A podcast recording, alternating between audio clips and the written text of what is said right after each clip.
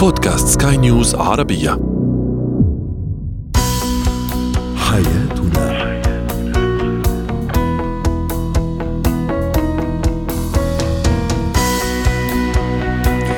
مستمعينا الكرام أهلا بكم معنا إلى حياتنا فضاؤكم اليومي الذي يعنى بشؤون الأسرة وباقي الشؤون الحياتية الأخرى. والذي يمكنكم الاستماع إليه عبر منصة سكاي نيوز عربيه dot com slash بودكاست وباقي منصات سكاي نيوز عربيه الأخرى. معي أنا أمال شابه نتحدث اليوم عن التغيرات النفسية. تحديدا والسلوكية بعد الولادة وبعد في فترة النفاس بالنسبة للسيدة وكيف نتعامل مع هذا وكيف نحتوي هذه المشكلة. آه، الحديث أيضا في آه، حياتنا اليوم عن أهمية توعية الطفل والأسرة بخطورة التحرش وأخيرا اتكات التعامل مع كبار السن.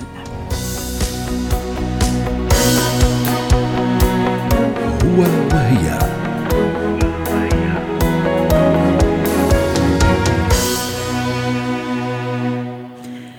هي تغيرات ما بعد الولادة التي تحدث للسيدة في فترة النفاس التغيرات النفسية تحديدا والنفاس طبعا هي الفترة ما بعد الولادة مباشرة وهي مرحلة أساسية في حياة كل أم وتبدأ بعد الولادة مباشرة وتدوم حوالي ستة إلى ثمانية أسابيع. إذا ما هي أهم وأبرز التغيرات السلوكية النفسية التي تطرأ على السيدة وكيف أيضا نتعامل معها وكيف نحتويها؟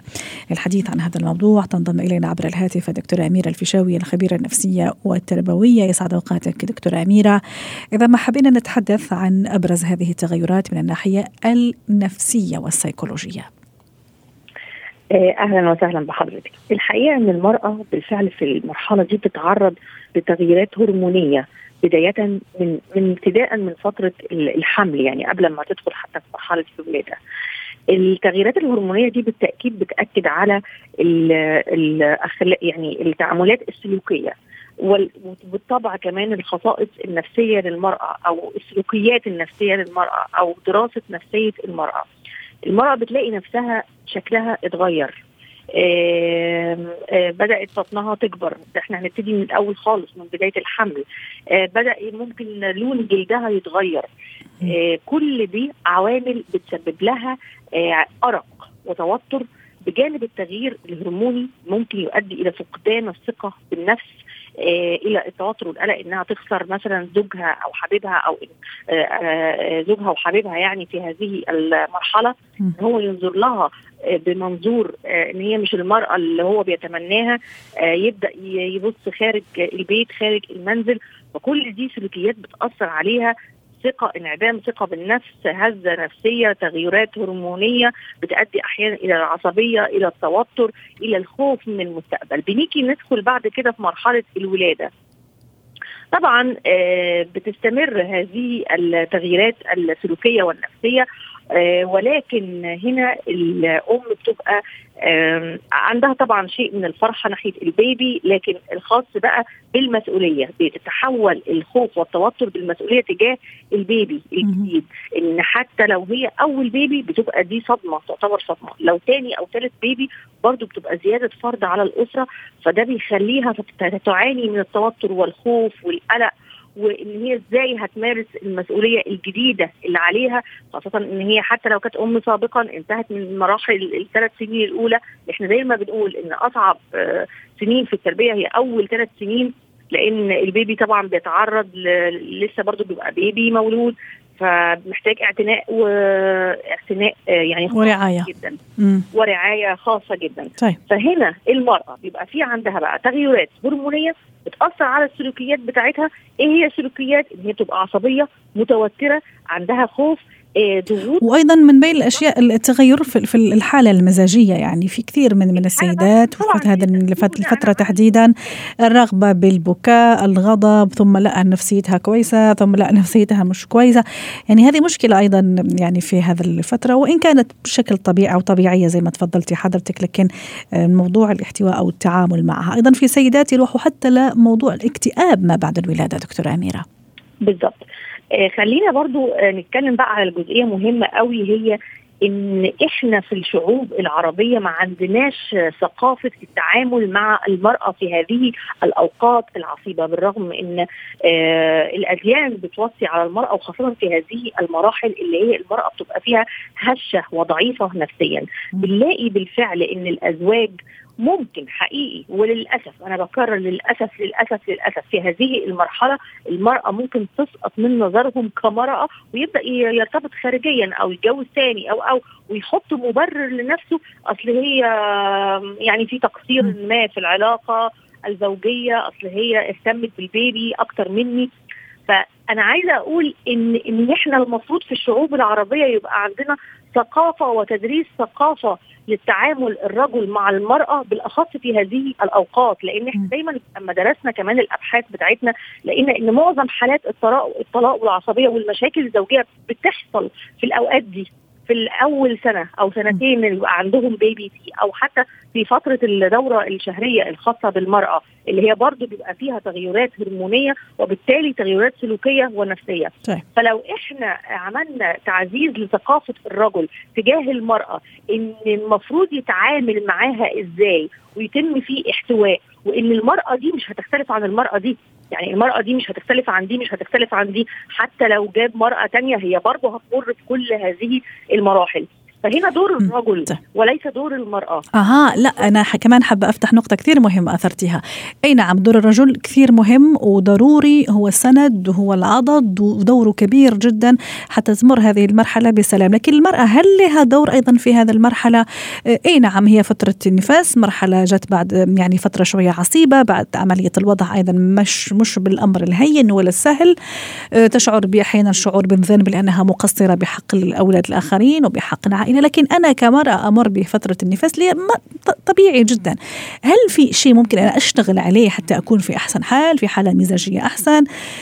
كيف تنصحينا يعني السيدات تحديدا؟ آه السيدات في هذه المرحلة آه بالطبع لازم يكون برضو عندهم ثقافة آه خاصة بالموضوع ده. لأن فعلا ساعات السيدة بتلاقي نفسها بتبكي من غير سبب. تلاقي نفسها انفعلت انفعال زائد من غير سبب. افتكرت ذكريات قديمة مؤلمة خاصة بالزوج وتروح تفتحها وت... وت...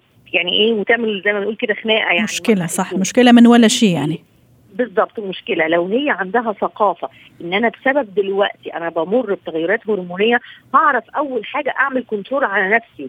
فبالتالي أعمل control على نفسي إزاي؟ إن أنا أول حاجة يبقى أنا بتغذى كويس الغذاء الصحي السليم. إن أنا لما بحس بالطاقة اللي أنا عايزة أنفعل أو أتوتر أو أبكي أو أو أقوم يعني أخرجها في شيء آخر يعني ألعب رياضة مثلا أمارس هواية أنا بحبها. لما أحس خلاص إن أنا مضغوطة جدا دي بتبقى تغيرات هرمونية لدرجة إن أنا عايزة أعمل مشكلة أو عايزة أعيط أو عايزة أبكي أو عايزة أنهار أو الذكريات الأليمة عمالة يعني بفتكرها بتذكرها يبقى مم. لازم أول حاجة أطلعها أطلعها إن أنا ألعب رياضة أطرد الذكريات الأليمة دي فورا إن أنا أشغل نفسي وأستبدلها بذكريات يعني بذكريات جميلة لو بيني وبين زوجي أو أو في بداية الخطوبة يعني العقل هنا إحنا نقدر نتحكم فيه ولكن إحنا ممكن نقول إن العقل هو اللي بيتحكم فينا ليه؟ يعني نعم. العقل اللي بيتحكم فينا لأن إحنا مش عندنا ثقافة ودراسة، لما يبقى عندنا ثقافة ودراسة وأبدأ أخش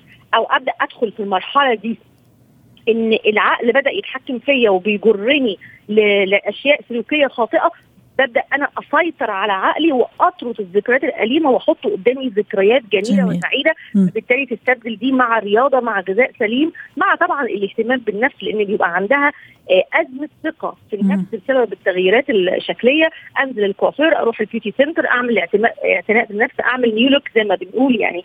لوك ده برضو بيضفي على المرأة مزيد من الثقة مع الاستمرارية في العلاقة مع الرجل. يعني إن أنا مش هجيب المسؤولية بتاعه البيبي أعليها أكتر من الرجل. جميل. استمر جميل. هنا وهنا.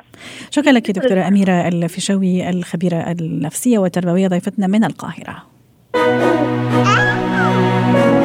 زينة الحياة.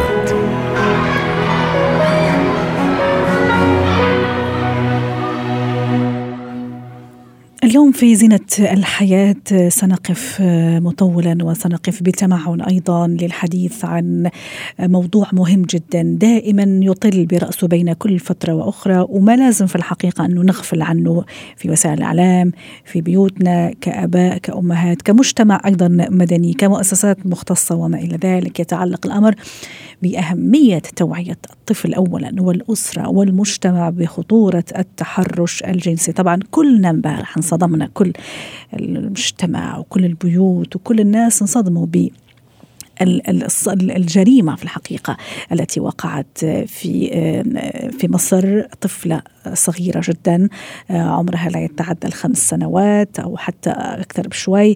كانت ضحية عملية تحرش آه، آه، من طرف شخص ثلاثيني. ومن أقدار الله ومن ألطاف الله أنه السيدة قامت بتوثيق هذه الجريمة المروعة وهذا الاغتيال الحقيقة النفسي والروحي لهذه البنت. وصارت الفضيحة وانكشف المستور. اليوم سنتحدث عن أهمية التوعية أنا كأب كأم كأسرة كمجتمع.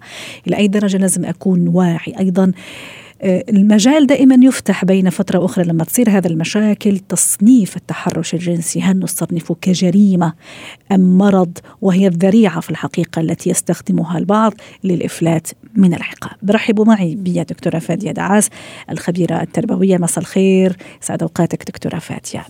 آه، كما قلت جريمة مروعة في الحقيقة يندى لها الجبين. آه، صور شنيعة فظيعة ما قدرنا نشوفها للمرة الثانية شفناها مرة واحدة وانصدمنا جميعا. آه، أمام أي مسؤولية أنا الآن كأب كأم كمجتمع حتى اوعي ابني واوعي نفسي أنا أول شيء أيضا اني اكون واعية لهذا الموضوع.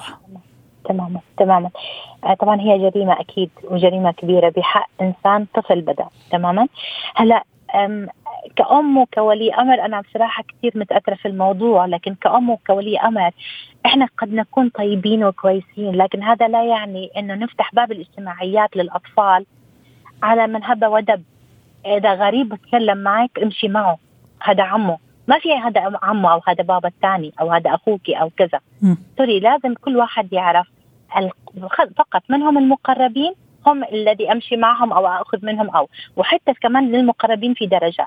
صحيح بدليل إنه مسكين البنت امبارح يعني راحت لأنه أعطاها قطعة حلوى لهذا يعني هذا الشخص اللي ما أتصور إنه يعني ممكن نسميه إنسان في الحقيقة وأنا آسفة جدا على هذا على هذه الكلمة يعني. أنا معك تماما. إحنا قلتي شيء قبل شوي يمكن يكون مرض هو مرض نفسي فعليا ولكن كمان sorry النفس أنت تتحكم فيها. يعني حتى لو أنت تعبان نفسيا أو عندك مرض نفسي أنا ما بتخيل إنه أنت كإنسان بهذا العمر عم تطلع على بني ادمه أو طفلة بهذا العمر. يعني ما عم بتخيل هذا الشيء فعليا وهو بيحدث كثير بيحدث كثير وما بدنا ننكره. وحتى sorry مع احترامي حتى في المحارم يعني حتى من الأقارب في بعض الأحيان. وقرابة أولى. فأهم شيء أهم شيء الطفلة أو الطفل. إحنا عندنا تجربة حلوة كثير في الإمارات خصوصا بالشارقة كمدينة طفل آمنة. دائما في شيء نوعي فيه الأطفال من ناحية كيف تقول لا للمتحرش. وهذه أيضا حملات في كل دولة الإمارات العربية المتحدة على اختلاف الاماكن اللي ممكن الواحد تمام. ممكن يجد فيها يعني يوجد فيها فالحقيقة يعني هذه شغلة جميلة تحسب للإمارات في هذا النقطة. حلوة. إحنا فعليا نحكي لهم نعرف الأطفال وهذا لازم الأهل يعرفوا وقبل ما نعرف الأطفال ونعمل دورات للأطفال كمان لازم الأهل ياخذوا دورات بإنه كيف أحمي طفلي. أيوة. وكيف أعرف إنه طفلي قد تحرش به. جميل. كيف كيف كيف احمي طفلي؟ خلينا نستفيد من الموضوع اليوم. آه، كيف احمي طفلي دكتورة فادية؟ كيف أعرف أنه تعرض لهذا النوع من من الاعتداء الجبان والوحشي في الحقيقة؟ آه، آه، من شخص قد يكون قريب من شخص قد يكون بعيد. نعم. كيف أنا يعني أول شيء كأب وأم مسؤول على هذا الابن أكون واعية؟ أول شيء بدك تعلم الطفل من هو صغير أو الطفلة من هي صغير إنه كل واحد له بابل حواليه في فقاعه حواليك في مساحة حواليك. بما يعادل آه يعني دراعه لما يفرده اللي هو متر أو نص متر تقريبا إنه هون ما حدا يقرب منك إلا ماما أو بابا لما بدهم يساعدوك بشيء. حتى الدكتور اللي حنروح عليه أو الدكتورة أو أو كذا إذا بوجود ماما أو بابا فوق راسهم. تماما؟ طيب. فهم بدي يعرف تماما إنه في منطقة هيك أنا ما حدا يقرب. ثانيا في أطفال والأطفال كلهم في شيء اسمه رادار عاطفي. يعني أنا بحس هذا الإنسان مش مريح ما أقرب منه. ما أقرب منه. أحاول أتجنب. لازم أعود الطفل على قراءة النفس اللي قدامه. وهم بيعرفوا بس ما بيعرفوا يعبروا. نعلمهم كمان إنه لا سمح الله تعرضوا لتحرش أو لسه في بداية التحرش كيف إنهم يتهربوا يهربوا ويصرخوا عاليا ويقولوا لا. لا. هذا جسدي هذه حريتي هذه مساحتي ما حدا بيقرب منها. لازم يعرفوا لازم يعرفوا إنه في طبعا حتى في البيت عفوا دخول الحمام لازم يغلق الباب خلفي. طبعا مش بالمفتاح أو بالمفتاح حسب لأنه في كثير مرات بيكونوا في نانيز أو في حدا ثاني أو أو. عشان نعرف إنه هاي الأشياء أصلا اوتوماتيكلي خلص لها حرمة ولها بعد. صح. إنه مش كل شيء هيك. يعني هلأ هذا اللي عزمها على حلوى مثلا. أنا ما بقبل أي شيء من أي حد. لازم يعرفوهم هذه مش قصة إنه والله عزت نفسي عزت نفس لكن عرفوهم كمان إنه أنا ما أفتح كل منافذي على الغريب رائع. مهما كان. نعم. رائع جميل. لازم م. لازم نعرفهم هذا. بلس صار التحرش لا سمح الله. تماما؟ إذا أنت مش واعية بطبيعة طفلك وطفلتك بإنه مثلا بدأ عندها الخوف أو لما تقرب من الرجال من الرجال بشكل عام بتصرخ ما بدها تحكي مع الرجال أو بتخاف أو بترتعب أو كذا معناته هي تعرضت لموقف. بدك بدك تفهمي. عفوا إذا ما تضررت كثيرا هذا الموضوع لكن إذا تضررت جسديا آه، في في أكيد آثار على الجسم عفوا مع احترامي في, في مشية متغيرة في آه، تبول لا إرادي بالليل وغير الأشياء النفسية الأخرى. هلأ لا ما بدنا نوصل لهي المرحلة ما بدنا نكون يعني وصلنا لهون بدنا نكون الوقاية خير من العلاج. صحيح. وذكرتي موضوع مهم أيضا هذا في الحديث ودائما في إطار حديثنا على أن أنا كأب وأم وأسرة أكون واعية أيضا. أحيانا أنا أعرف وأعلم وممكن أشك إنه في شيء لكن أسكت. يعني ما أحكي لسبب أو لآخر. ممكن ثقافة العيب ثقافة المدري إيش المجتمع الأسرة راح يعرفوا الناس راح تحكي. هذه مصيبة أيضا أتصور دكتورة فادية. والمجتمع أيضا بدنا نحكي على موضوع المجتمع لأي درجة نكون واعيين. أنا ممكن أشوف آه، طفلة تعرضت لهذا النوع من من من الاغتيال ومن هذه الجرائم المروعة.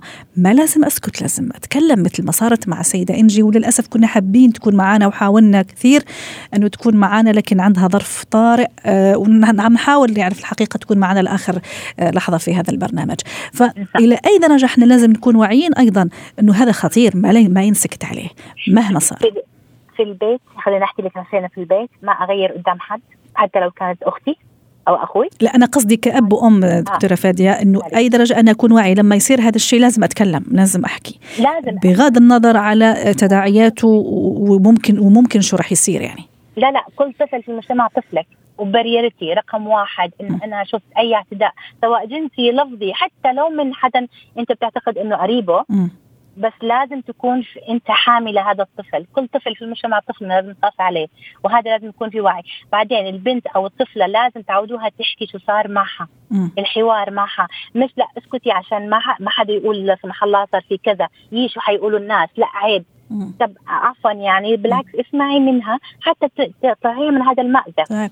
وأيضا موضوع المجتمع يعني على اختلاف اطيافه أنا جارتي شفت جارة مثلا أو بنت جارتي يعني تعرضت لها الاعتداء هذا يعنيني أنا لأنه اللي صار لبنت الجارة ممكن يصير لبنتي لا سمح الله. وما إلى ذلك يعني. وقلت لك امبارح يعني كانت هذه السيدة أعطت مثل رائع وجميل على الشجاعة وعلى أنها إنسانة قبل كل شيء إنسانة. فعلا أثبتت أنه إنسانة ووثقت هذه الجريمة وما ترددت ولو للحظة أنه تنشرها حتى تعرف الناس شو, شو عم يصير. هذه الطفلة كانت محظوظة بوجود إنسانة آه لاحظتها ست رب العالمين زي ما بيقولوا. لكن برضو إحنا بدنا نعود أطفالنا صح. بأسلوب كيف هم يكونوا خط الدفاع الأول عن نفسهم. كيف أنا ما أمشي مع غريب؟ كيف أنا لو تعرضت لكذا؟ ما تتركوا أبنائكم لحالهم بدون رقابة في الشوارع صحيح. أو في الحدائق أو صحيح. حتى في البيت لفترة طويلة لا يتركوا لنفسهم. وحتى لا. أيضا حتى ما تفوتنا نقطة كثير مهمة قبل ما نختم هذا اللقاء معك دكتورة فادية. آه، موضوع إنه التقليل من من خطورة هذا الموضوع إنه خلص هي هو تحرش وخلص. لا هو أتصور مو بس تحرش وخلص هي هي جريمة. هي, هي جريمة. هي, هي هو اغتيال. يعني فعلا نعم. يجب أن. يعني تكون أقصى العقوبات وردع قوي وقاسي جدا وما يعطى ولا مبرر لأنه زي ما امبارح كانت وسائل التواصل الاجتماعي كتبوا ناس أشياء كثير حلوة. يقول لك مثلا إذا كان شخص عنده كبت فهو متزوج الرجل. إذا عنده آه، نقص في عاطفة الأبوة هو عنده هو أب لطفلين أو أكثر. إذا كان فقير هو أب يشتغل. إذا كان آه، هندامه كان كويس. يعني كل الأشياء كانت تشي وتظهر على أنه إنسان سوي جدا. فما في أي مبرر يبرر له هذا ال هذا ال هذا الفعل الشنيع. وما لازم نحن أيضا نغتر بالمظاهر دكتورة فادية سواء أنا كأب أو أم ما لازم أختار أنه هذا الشخص شكله يشي إلى أنه عادي فممكن أخلي ابنه مع ابني معه. ولازم أيضا ننبه الطفل أنه ما يغرك أي مظهر من الأشخاص مهما كان. تماما هذا اللي قلنا حتى نختم. يبدوا بقراءة الروح. تماما خليهم يبدوا بقراءة الشخص اللي قدامهم. خليهم يعرفوا إنه في لهم حدود. بلس الأهالي لو سمحتوا حتى القريب حتى القريب لو درجة القرابة ياما سمعنا عن أشياء حدثت في بيوت من القرائب. صحيح. فبليز أنتم المسؤولين الأول والآخر بس نفسية الطفلة اللي زي هذه بغض النظر عن تعرضت لايذاء جسدي أو لا البنت تريد علاج نفسي حاليا واضح. تعرضت له وإن شاء الله يحمي كل أولادنا وأطفالنا وأولادكم وأطفالكم وإن شاء الله دائما يعني نكونوا واعيين بهذا النقطة اللي إحنا أيضا كإعلام ما نفوت أي فرصة إلا ونرجع مرة أخرى نذكر فيها ونوعي الأشخاص بها شكرا لك دكتورة فادية دعاس ضيفتنا العزيزة من الشارقة اتكات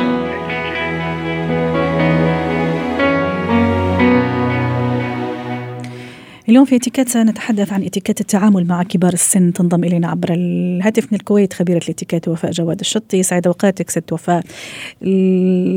يعني الكبار والكبارية زي ما بيقولوا يعني آه، هم بركة البيت وهم حلاوة أي أي لقاء يكونوا فيه في الحقيقة.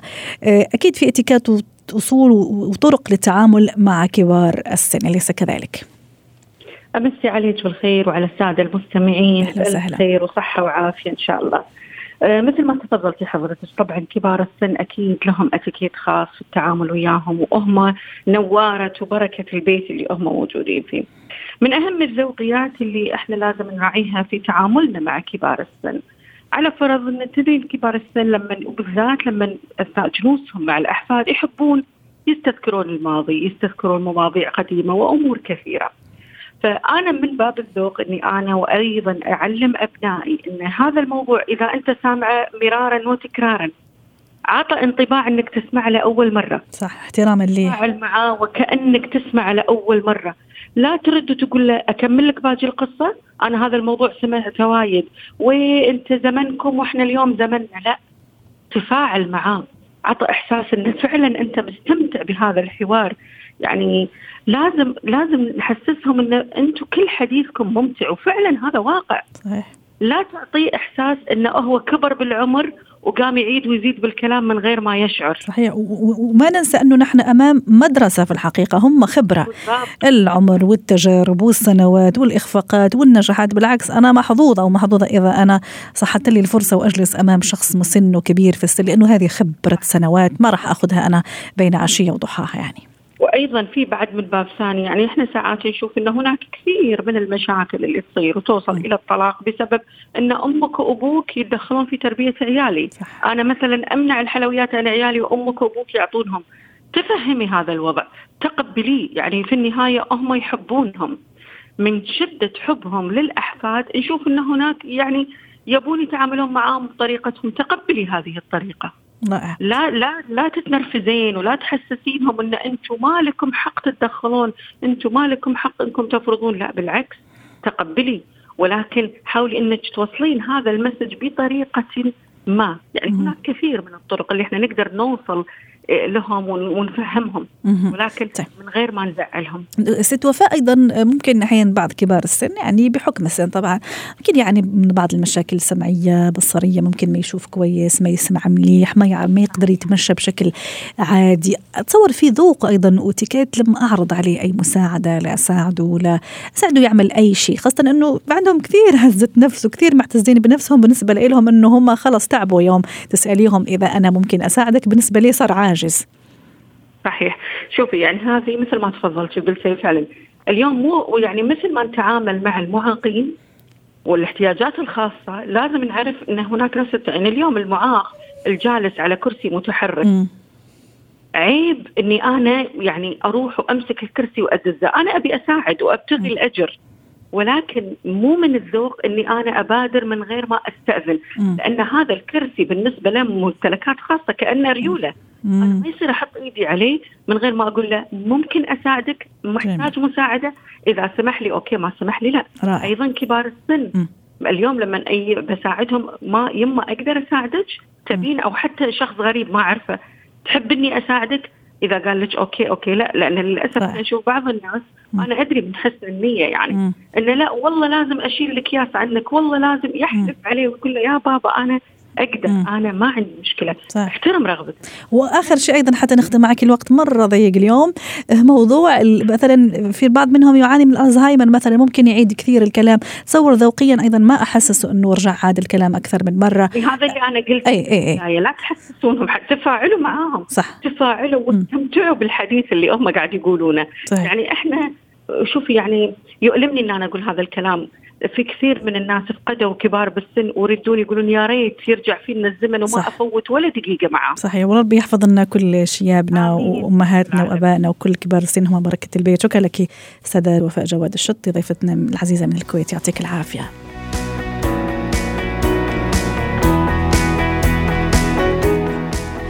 ختام حلقة اليوم من حياتنا. شكرا لكم وإلى اللقاء. حياتنا